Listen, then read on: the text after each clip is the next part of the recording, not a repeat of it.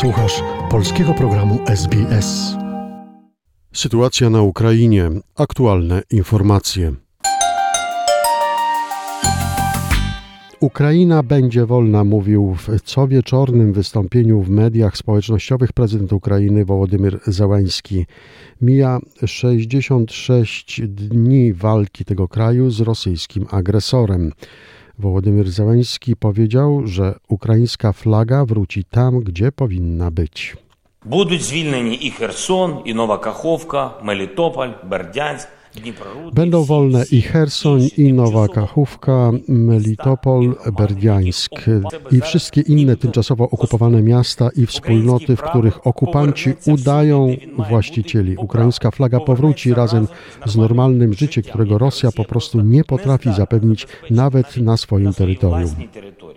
Ze zniszczonej rosyjskimi ostrzałami huty Azowstal w Mariupolu ewakuowano 20 cywilów, kobiety i dzieci. Poinformował o tym zastępca dowódcy pułku Azow Światosław Pałamar. Ewakuowani mają trafić do kontrolowanego przez Ukrainę Zaporoża. Tymczasem oddany niedawno do użytku pas startowy na lotnisku w Odessie na południu Ukrainy został zniszczony wskutek ataku rakietowego. Według ukraińskich władz rosyjskie rakiety, które trafiły w lotnisko, zostały wystrzelone z półwyspu krymskiego. W ataku nikt nie ucierpiał. Ukraińskie władze zapowiedziały, że zrobią wszystko, aby lotnisko szybko zostało odbudowane. Amerykańska aktorka Angelina Jolie, ambasador dobrej woli ONZ, nieoczekiwanie przyjechała do Lwowa, gdzie w miejscowym szpitalu odwiedziła dzieci ranne w wyniku rosyjskiego ataku rakietowego na dworzec w Kramatorsku.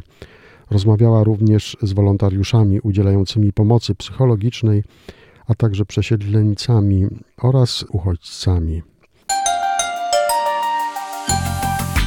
Materiał opracowano na podstawie doniesień Newsroomu SBS oraz informacyjnej agencji radiowej. Zainteresowało Cię?